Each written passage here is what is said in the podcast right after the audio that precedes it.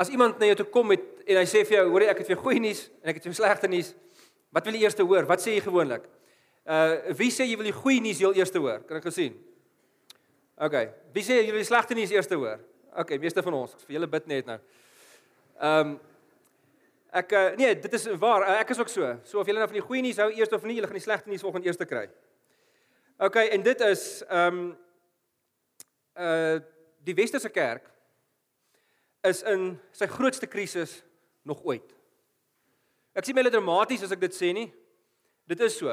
En en jy kan dit sien in die NG Kerk. Jy kan dit veral sien in die die groot denominasies wêreldwyd. Dat die die Westerse kerk is in die moeilikheid. In die ooste groei die kerk geweldig vinnig en ook in Afrika.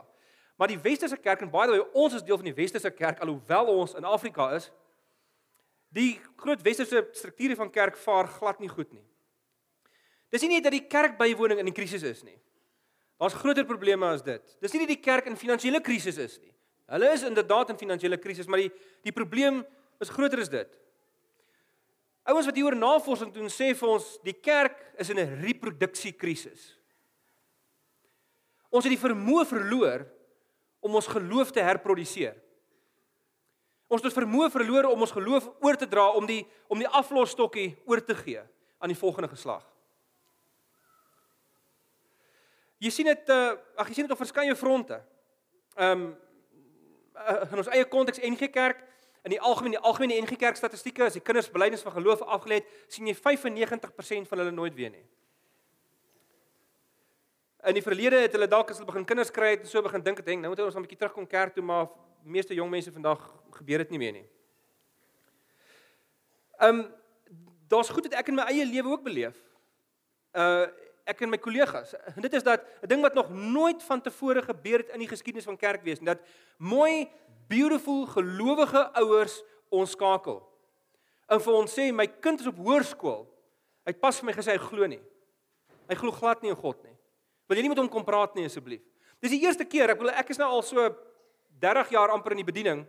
En dis die eerste keer die laaste 4, 5 jaar wat hierdie tendens opkom. Die eerste keer ooit. Dis glo dis gewoonlik die gelowige kinders wat sukkel met die ongelowige ouers. Vandag se vandag kry dit dit oulike gelowige mense lief vir die Here se kinders eenvoudig hulle geloof verloor of hulle kom op universiteit. En hulle verloor hulle geloof. Ek weet nie of julle die week gesien wat verby is nie, uh, Marty Sampson is een van die wêreld se mees bekende worship leiers. Ehm um, hy's 'n ou van Hillsongs. Hy het uh, ek het sy Instagram 4 uh, hierdie week gelees wat hy gesê het hy glo nou glad nie meer nie, hy het sy geloof opgegee. Die kerk het nie meer die vermoë om mense hulle geloof te laat behou nie. Belangriker nog, het nie meer die vermoë om hulle geloof oor te dra nie. Nou, ek wil net 'n bietjie om jou kyk, ek kan ons prentjie kyk wat ons hier bo, dis hoekom ons hierdie spesifieke prentjie gekies het. Want as jy in hierdie plantjie kyk, dan kan jy sien hoe dit besig is met windbestuiving. Enige ding wat lewe kan voortplant. Enige ding. Die oomblik as hy nie meer kan voortplant nie, dan noem ons dit 'n bedreigde spesies. As diere nie meer kan voortplant of vinnig genoeg kan voortplant nie, dan is dit 'n bedreigde spesies. Plante nie meer kan kan eh, vinnig genoeg voortplant nie, dan dan, dan word dit 'n 'n bedreigde spesies. So, dis waarom ons hierdie kort 2 weke reeksie het wat ons net noem going viral as ons kyk na die definisie vir wat wat going viral regtig waar beteken, dan kan ons die die Urban Dictionary gee van die volgende definisie. It's an image, a video or link that spreads through a population by being frequently shared with a number of individuals. So, voor ons kyk na die tegnologiese term van going viral, want dis hoe ons dit vandag die heel meeste gebruik, maar het mense dit al van tevore ook gebruik? Die vroeë kerk het viral gegaan. Dit beteken hulle het so vinnig gegroei, in so dramaties gegroei dat dat dit die ganse antieke wêreld verander het. En dit is wat moet gebeur in Oosterlig. Dis wat in die kerkwêreld moet gebeur. Is die kerk is veronderstel om viral te gaan. Dit, dit kom die woord viral kom eintlik oorspronklik van die idee van 'n virus. Jy weet wat as jy virus eers kry dan versprei hy hy multiply verskriklik vinnig en jy kan dit eintlik omtrent nie keer nie. Jy moet ongelooflike maatstawwe, weet soos antibiotika en goedes in plek kry en selfs dit werk nie eens meer lekker meer vandag nie om hierdie goeders te beheer. So dis eintlik as jy kyk na hierdie definisie van wat going viral is, dan sien jy dis eintlik wat evangelisasie is. Ek wil also staan it's a link that spreads through a population. Kom ons sê it's a message that spreads through a population by being frequently shared with a number of individuals. So Leonard Sweet sê die volgende, hy sê in spite of our best efforts, the church is unprepared for the future and unpleasant when asked to think about it. Wat is die redes hiervoor? Nou nou kom ek bietjie by die goeie nuus. Die redes is nie omdat God nie bestaan nie. Die redes is nie omdat die evangelie nie meer werk nie. Want mense kom inderdaad tot geloof. Waar die evangelie tot sy reg kom, word mense aangeraak en mense kom tot geloof. Ek so rukkie terug het ek by Varsity College 'n praatjie gaan doen en ehm um, natuurlik is die mense wat daar is nou nie noodwendig almal gelowiges nie, so jy doen dit nou uit van 'n besigheidshoek, maar ek praat op die ou en oor hoe om jouself te gee vir jou medewerknemers en so aan. En een van die personeellede, uh, dis die ou in beheer van sport, jy kan sien is 'n hy's die ou uh jy weet baie mooi uitgeknip, kyk goed na homself. Hy sê 'n jong millennial, seker in sy laat 20s, vroeg 30s. En um, hy praat Engels en hy hy begin my praat en hy sê van ja, maar hy struggle met hierdie hele ding van jy weet om homself te gee en hy kom agter hy's baie selfsugtig en ons praat so 'n hele kwartier lank en ek dog, okay, ek moet hierdie risiko neem en ek sê vir hom uh hoorie maar ek wil jou ons praat nou Engels, ek sê vir hom I really would like to challenge you. I think what you can what can really help you is read the New Testament. Have you ever read the New, New Testament? En onmiddellik gaan die mure op. Hy sê, "No, no, no, you know what? I'm a, more of a science guy." Jy weet. En uh ek sê toe uh, ons het 'n hele gesprek en ek ons praat en ek verduidelik toe vir hom hoe die geloof en die wetenskap eintlik saamgevloei het in die geskiedenis en hoe dit eintlik gelowige wetenskaplikes is wat vir die verligting uh, verantwoordelik was. En En hy staan en luister en ons gaan seker in 'n 20, 30 minute gesprek gaan ons in oor die evangelie. Hy vra my klomp vrae en hy sê vir my, "Maar waarheen kan hy gaan?" As hy meer wil leer in een van die mense wat my gereël het om daar te wees vir die dag, weet ek toe as 'n gelowige en ek sê vir hoekom praat jy nie met haar nie? En ek gaan toe terug huis toe. Ek het nie weer van hom gehoor nie. Maar nou die dag toe kom daai vrou na wie ek hom te verwys het, kom by ons huis aan. Ek was nie daar nie. Maar sy vertel toe vir my gesin die storie. So as jy daai ouetjie se naam was Jared het na toe gekom. Hy het ingeskakel by die gemeente waarby sy betrokke is en hy het 'n gelowige geword. Die evangelie is kragtig genoeg om enige iemand te verander om um om enige iemand te transformeer. So wat is die probleem? Wat wat maak dat die kerk in sy grootste mate totaal al onvrugbaar en impotent geraak het? Daar's 'n paar redes vir drie vinnige redes. Die samelewing verander so vinnig, die samelewing het sekulêr geword. Dit beteken dat die ehm um, dit selfs ek en jy wat sê ons is gelowiges, ons sit met 'n sekulêre imagination. Alhoewel ons in God glo en ons sy kinders is, sit ons met 'n sekulêre verbeelding. Met ander woorde, die spontane manier wat ons baie keer optree is eenvoudig sê uh, sekulêr. Daarom dit bring ons by tweede rede, baie baie lewens van gelowiges is oppervlakkig. Ons glo in God, maar ons dink sekulêr. Soos byvoorbeeld Ehm um, ons sê ons is Christene. Maar baie van ons is uiters rassisties. Ons het 'n sekulêre manier van dink eintlik. Ons sê ons is Christene. Maar ons slaap saam met ons verloofdes voordat ons getroud is. Ons dink sekulêr. Ons sê ons is gelowiges, maar ons het ons missionale identiteit verloor. Met ander woorde, ons het ons die intentionaliteit vir waarom ons bestaan, het ons verloor. Dat dat ons hier is ter wille van ander mense. Kom ek vra vir jou so of jy nog 'n Kom ons kyk. Ek wil ek neem aan almal van ons wat hier is of meeste van ons wat hier is, glo in Jesus Christus. Maar kom ek vra vir die volgende vraag. Het jy die laaste week gebid vir iemand wat verlore is? Want dis waarin jy sien of jy 'n Christelike imagination het. Of bid jy net vir jouself of jou gesin? Het jy die laaste jaar gebid vir iemand wat verlore is? 2 jaar? Nou as jy op hierdie vraag nee antwoord, dan is jy deel van die probleem. En ek bedoel dit met grootse liefde. Ek weet almal van ons, meeste van ons mense wat ek teekom is opreg. Hulle hulle wil die Here dien op die beste moontlike vermoë. Of ekskuus op die beste eh, manier volgens hulle eie vermoë. En dis waarom ons vanmôre hierdie appel maak. Want ons wil baie graag hê dat julle moet inskryf uiteindelik vir die 13 en 14 September vir ons awaken. Die van julle wat nie op die op die naweek was in my maand nie.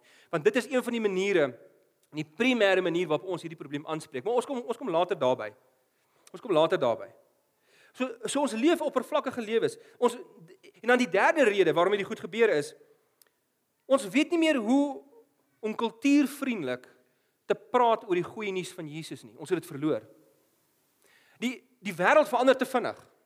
So ons wil of onttrek uit 'n gesprek uit of ons wil net vir mense Bybelversies feed of met hulle stry en beklei.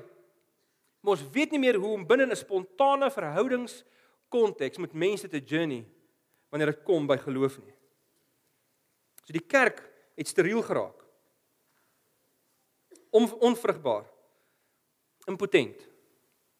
So dis die vraag wat ons vir onsself moet vra vanmôre en dit gaan nie net hier oor elke individu nie. Dit gaan oor ons as 'n gemeente, as 'n community. Is Oosterlig swanger?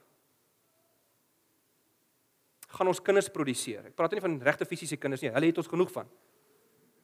Baie bly daaroor. Ons doop elke tweede Sondag omtrent 'n Dink se klein huisie vol vol babas. Dis wonderlik. Hou aan, moenie ophou nie. Dit weet ons weet ons is fisies vrugbaar, dit kan ons sien. So laat die fisiese vrugbaarheid laat dit 'n simbool word vir ons geestelike vrugbaarheid. Miskien moet ons vir onsself sê kom ons hê nie meer fisiese kinders nie voordat ons geestelike kinders maak nie. Miskien stagneer ons dan so 'n bietjie in ons groei. Ja, dit is wonderlike ding om kinders te hê. En dis hoekom die Here gekom het. Hy het sy lewe kom gee sodat hy kan kinders baar. Sodat nie eintlik streng gesproke hy nie, natuurlik hy ook. In Johannes 3 is dit hy wat ons wederbaar van bo af. Wedergeboorte beteken eintlik van bo af geboorte. Dis God wat ons wederbaar. Maar die Here wil hê dit sy community, sy mense moet kinders in die wêreld bring. Nuwe kinders. Kinders wat verlore was, wat wat gered word. Mense wat in die donker was, wat wat oorstap na die lig toe. Mense wat dood was, wat oorstap na die lewe toe. So, wat is die evangeliese antwoord hierop? Ons kan ons kan just about enige teks uit die Nuwe Testament uitlees om hieroor te praat, maar kom ons lees 'n paar verse uit Matteus 4. Jesus ehm um, is hier net mooi uit sy bediening pas begin en Matteus skryf hierso, is die enig toe Jesus langs die see van Galilea loop, sien hy twee broers. Simon wat ook Petrus genoem word, en sy broer Andreas. Hulle was besig om 'n werpnet in die see te gooi, want hulle was vissers van beroep. Hy sê toe vir hulle Kom hier, kom saam met my en ek sal julle vissers van mense maak. Hulle dadelik hulle nette gelos en hulle het hom gevolg. Nou wat interessant is in hierdie teksgedeelte, ons ken hom baie goed en ons ken die hierdie gedeelte baie goed. Hierdie is 'n baie significant teksgedeelte in in die definisie van wat dit beteken om Jesus te volg, want hier roep Jesus in die Matteus Evangelie sy eerste disippels. Hy's pas klaar gedoop. Hy's pas in die woestyn in om versoek te word deur die duiwel, die eerste 11 verse van Matteus En nou kom hy terug. En hy het uh, nog 'n paar wonderwerke gedoen en hier roep hy sy eerste disippels. So hierdie is 'n defining moment. Hy hy verduidelik hier presies wat dit gaan behels om hom te volg. As jy my volg, sê Jesus, dan gaan iets met jou gebeur. As jy my volg in terme van wie ek is en waarvoor ek gekom het, dan gaan iets met jou gebeur. Jy gaan 'n nuwe identiteit kry. Let wel, hy sê nie vir Petrus ek gaan maak dat jy goed kan visvang nie. Hy sê vir hom ek kan jou identiteit verander. Nou is jy 'n loser wat nie weet waar in jou lewe gaan en waar in die geskiedenis gaan en hoekom jy op aarde geplaas is nie. Maar ek gaan vir jou identity gee. Jy gaan 'n visser word. Dis nie net wat jy gaan doen nie, dis wie jy gaan wees. 'n Volgeling van Christus is 'n visserman, visservrou. Ons vang vis. Dit beteken as Jesus vir hulle sê, julle gaan 'n Christelike imagination kry, of liewer ek gaan vir jou 'n visvang identiteit gee. Nou dit wat hy sê, ek gaan vir jou 'n visvang imagination gee. Met ander woorde, wat se ding is imagination? Dis jou spontane manier van dink. As jy default ehm um, dan val jy terug op hierdie imagination. Met ander woorde, as jy slaap in die nag, dan dink jy aan visvang. Hoe gaan ek dit môre doen? Jy dink in jou boot, is hy reg? Sal hy werk? Is my werk my nette nog? Het ek ordentlik 'n visstok? Waar gaan ek uitgaan? Ek wou nog aan die weer môre wees. Alles waarna jy dink gaan oor visvang, want dis die manier wat jy leef en dis wat jy doen. Dis wat Jesus vir sy disippels sê. Vir ons wat hom volg. Ek gaan julle vissers van mense maak. Ek gaan julle identiteit verander. Ek gaan jou lewe betekenis gee. Jy Paulus sê dit in die volgende taal. Hy praat van homself as 'n apostel. Hy's 'n gestuurde. Dis sy identiteit. Hy's 'n geliefde kind van God, heel eerste. Sê hy slaaf. Romeine 1 sê dit vir ons en dan sê hy gestuurde. Dis sy identiteit. Nou ek bedoel, nou imagine nou jy kom hier in Jan Greit altyd hierdie voorbeeld baie mooi gebruik. Ek het altyd baie van gehou. Jy kom hier op die Weskus, daar daar onder in die Kaap en jy kom een van die vissersdorpies aan en hier is die visserman besig om net reg te maak en jy, jy kan sien hier jy weet die son het hulle gebrand. Dis wat hulle doen elke dag. En jy sê vir hom, "Mees oom, Hoe gaan dit? Sê nee, lekker. En jy is nee, goed. Ek kom nou af aan die ander kant van Gauteng af, maar sê gou vir my, uh, het jy al 'n bietjie vis gevang? Ek jy's oom, hoe lank doen oom al hierdie werk? Nee, jy's seun 40 jaar.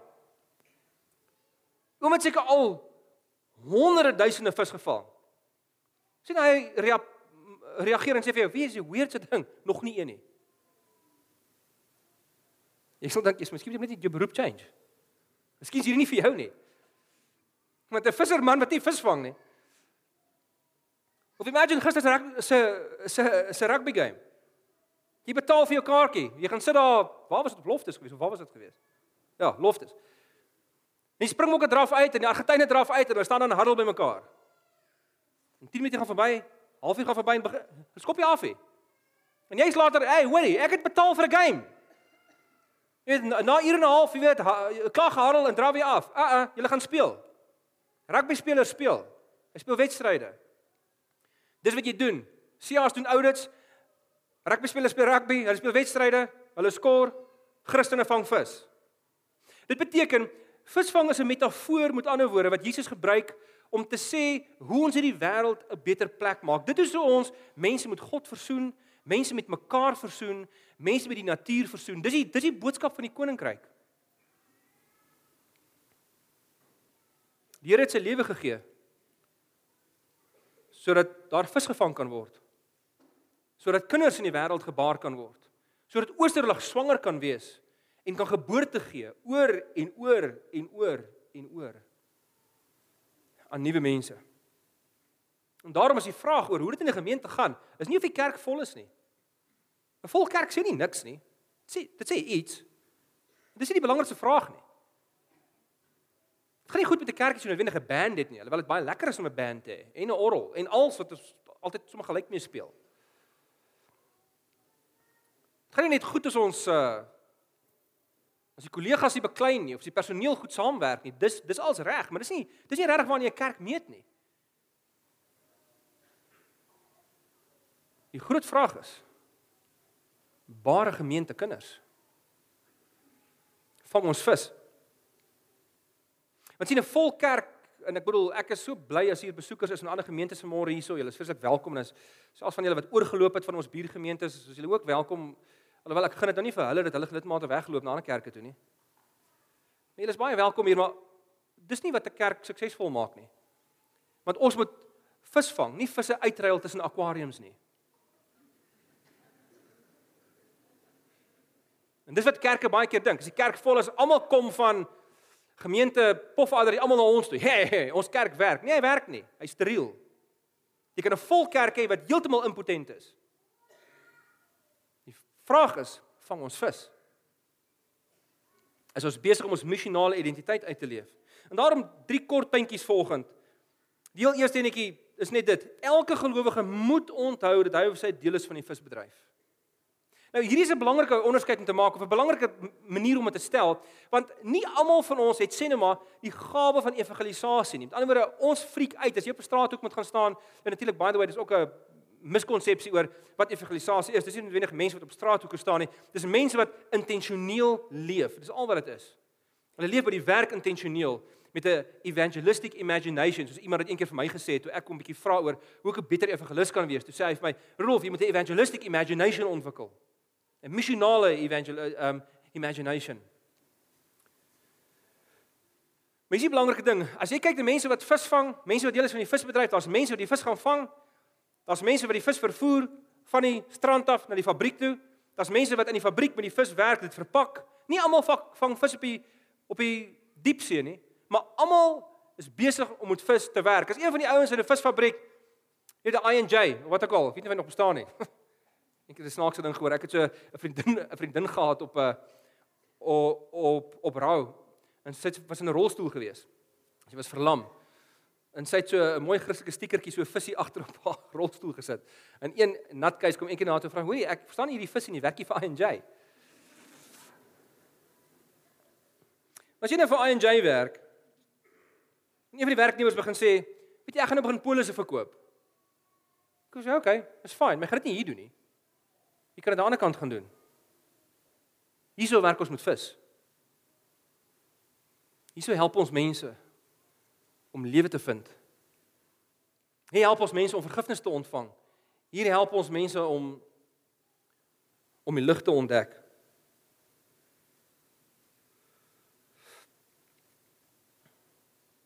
En daarom ehm um, die sekulêre wêreld waarin ons leef, het Charles Taylor altyd gesê, wat beteken dit ons moet vandag in 'n sekulêre wêreld leef? Hy sê iets ehm um, die sekulêre waardes word spontaneously imagined and therefore experienced. So met ander woorde, wat hy bedoel is die sekulêre suurstof wat ons elke dag inasem. Ons sê ons glo in God, maar die suurstof wat ons elke dag in inasem, is sekulêre suurstof en daarom ontwikkel ons eintlik 'n sekulêre imagination. En dis waarom ouens soos ehm um, uh Marty Sampson sy geloof kan verloor. Want die sekulêre suurstof wat ons inasem vandag is so kragtig dat as die kerk jou nie help om diep genoeg te dink oor jou geloof nie, as die gemeente jou nie help om te leer om te praat met mense buite geloof nie, hoe om die sekulêre kultuur te hanteer nie, dan sal dan is die kans goed dat iemand sy of haar geloof kan verloor. Die tweede punt. Om dit reg te kry, moet ons bereid wees om te gaan waar ons nog nie was nie. Hierdie is 'n kopskuif. Dis 'n dis 'n mind shift wat jy eenvoudig moet maak. Moenie dink jy gaan aktiewe deel van die visbedryf wees as jy as dan nie hierbo wielietjies ewe skielik baie anders begin draai nie. As jy ewe skielik hierbo met ander metafore begin werk nie. As jy met ander beelde hierbo jy jy, jy gaan dit eenvoudig moet doen. Dit dit dit beteken terloops. Die groot vraag is wat laat ons groei as gelowiges? Almal van ons sê ons wil graag groei as Jesus volgelinge. Maar iemand het eendag gaan kyk na wat die metode is wat Jesus sy disippels hoe hy hulle agter hom laat aanstap het, hoe hulle laat groei het. En die een ou het gesê die een ding wat ons mense altyd doen, selfs ons gelowiges, ons kies vir onsself 'n wêreld waar alles ordelik is. Met ander woorde, 'n ordelike samelewing of 'n ordelike konteks is dit waar jy weet alle aksies wat ons doen het 'n voorspelbare uitkoms en dis die die tipe van wêreld wat ons vir onsself kies. Maar die slim ouens wat in die Bybel kyk sê nee nee nee, dis nie hoe Jesus sy disippels het groei het nie. Hy het hulle nie 'n netjies georganiseerde ordelike wêreld gegee om in te leef nie, want daar groei niemand nie. Orde is 'n comfort zone. Jy groei in complexity. Jy leer jy leer nuwe skills aan in complexity. Jy leer nuwe insigte ontwikkel in kom, in kompleksiteit. Dit beteken jy dompel jouself in situasies in waar jy nie altyd die antwoorde ken nie, waar jy bietjie onveilig voel, waar jy so bietjie bangerig voel, waar jy onseker voel oor oor wat volgende, wat moet ek volgende doen? En, en, en Jesus doen dit met sy disippels die hele tyd. Hy roep hulle hier om hom te volg. En dan voeter hy met hy moet hulle die hele wêreld vol. Hy stretch hulle dat die rekmerke sit. Hy vat hulle na onheilige plekke toe waar Joodse mense, heilige Joodse mense nooit gekom het nie. Hy gee hulle 'n job om te doen, um, voer julle die 5000 mense. Hy hy vat hulle in die gebied oor kan die Jordaan. Hy vat hulle daar bo na Caesarea Philippi toe waar wat die onheiligste gebied in Israel was. Of liewer, dit is eintlik buite Israel in dit geval. Hy vat hulle na Tyrus en Sidon toe wat altyd die vyandelike gebiede was. Hy vat hulle waar hulle nie wil wees nie en daai ouetjies het gegroei. Na die opstanding toe toe skop al daai groei van hulle in. En daai 12 ouens het die wêreld verander. So moenie dink ek en jy gaan 'n Christelike imagination ontwikkel of 'n evangelistiese imagination ontwikkel as ons nie daaroor nadink nie. Jy moet jou lyf skuif. Jy moet iets anders begin doen. Jy moet ander gewoontes aanleer. Jy moet leer connect met jou nie gelowige buurman. Jy moet anders oor hom begin dink. Jy moet anders begin dink oor die wagte by die hek by die estate. Jy moet anders begin dink oor die waiters by die restaurante. Jy moet jou jou, jou default manier van dink moet wees wat kan ek vandag doen om te help? So, miskien as jy iemand wat die vis verpak. Miskien help jy in die bediening in die gemeente. Miskien help jy met gasvryheid.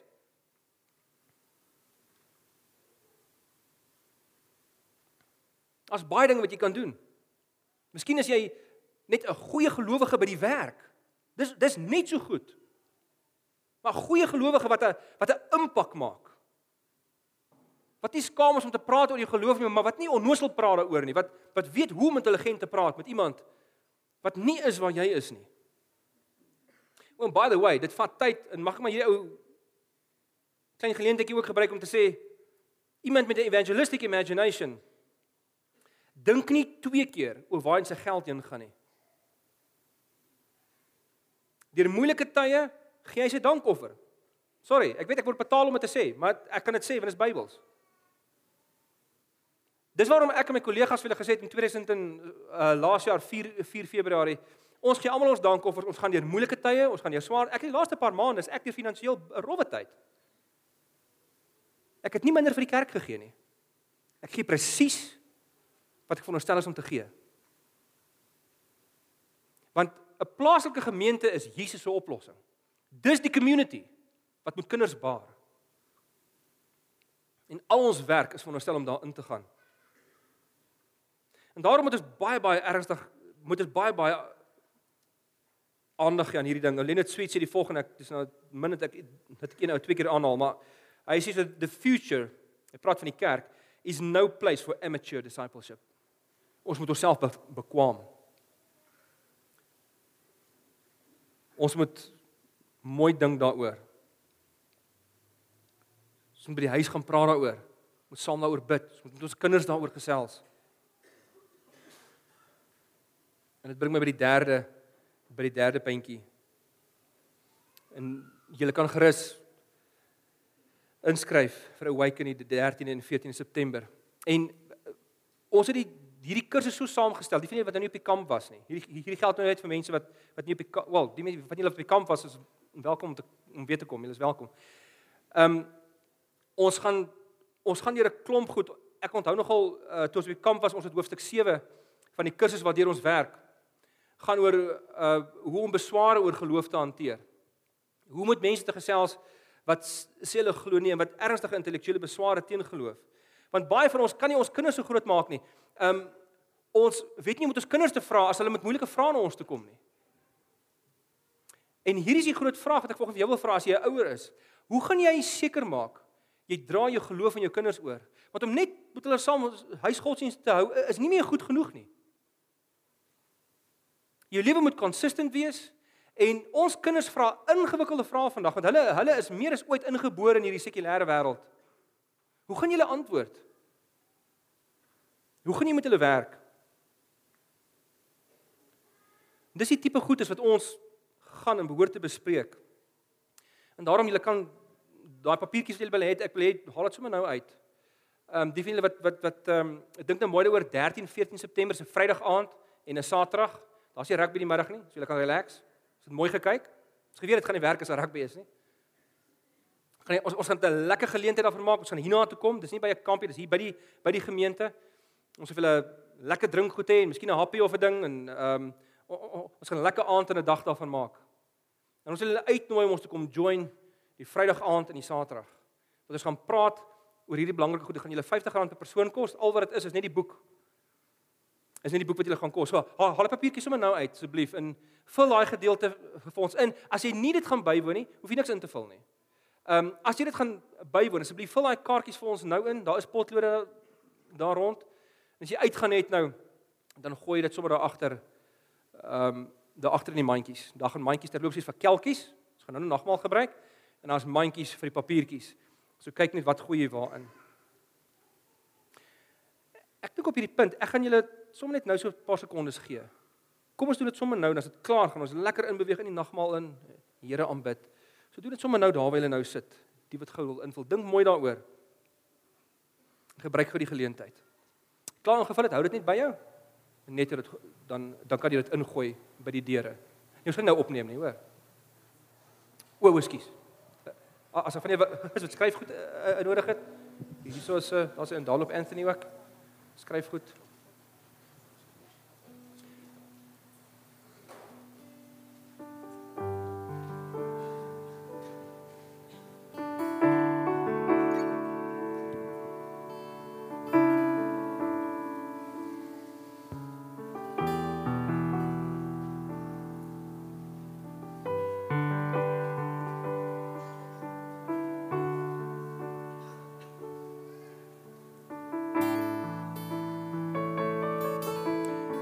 Jy so invul.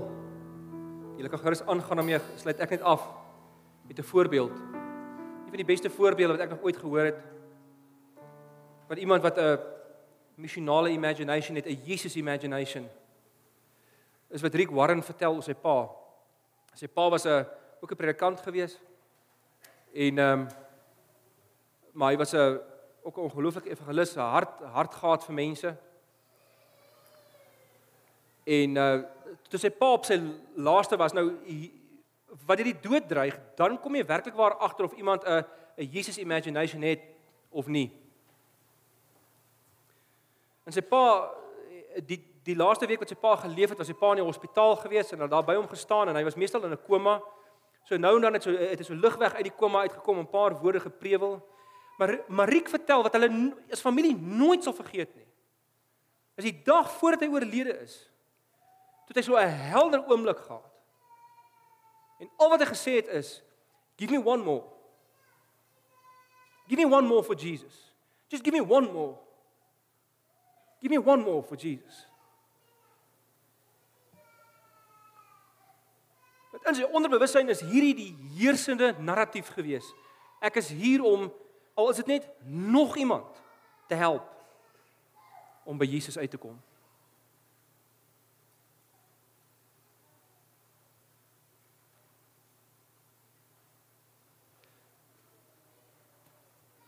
En ek wil hê ons moet net soos dit ons so sit na die volgende sang luister en hom sing sommer net so terwyl ons sit. Ons gaan nie nou opstaan nie. Ons ken hierdie sang redelik goed at the cross. En hierdie sang dien as die as die formulier vir ons nagmaal. Maar ek wil hê ons moet as ons so vanmôre sing, as ons sing there's a place where mercy reigns. Ons sing later die koortjie at the cross at the cross I surrender my life. Dink daaroor dat die Here nie net sy lewe vir my gegee het nie, maar dit is 'n lewe gegee het vir mense wat vanmôre nie hier sit nie.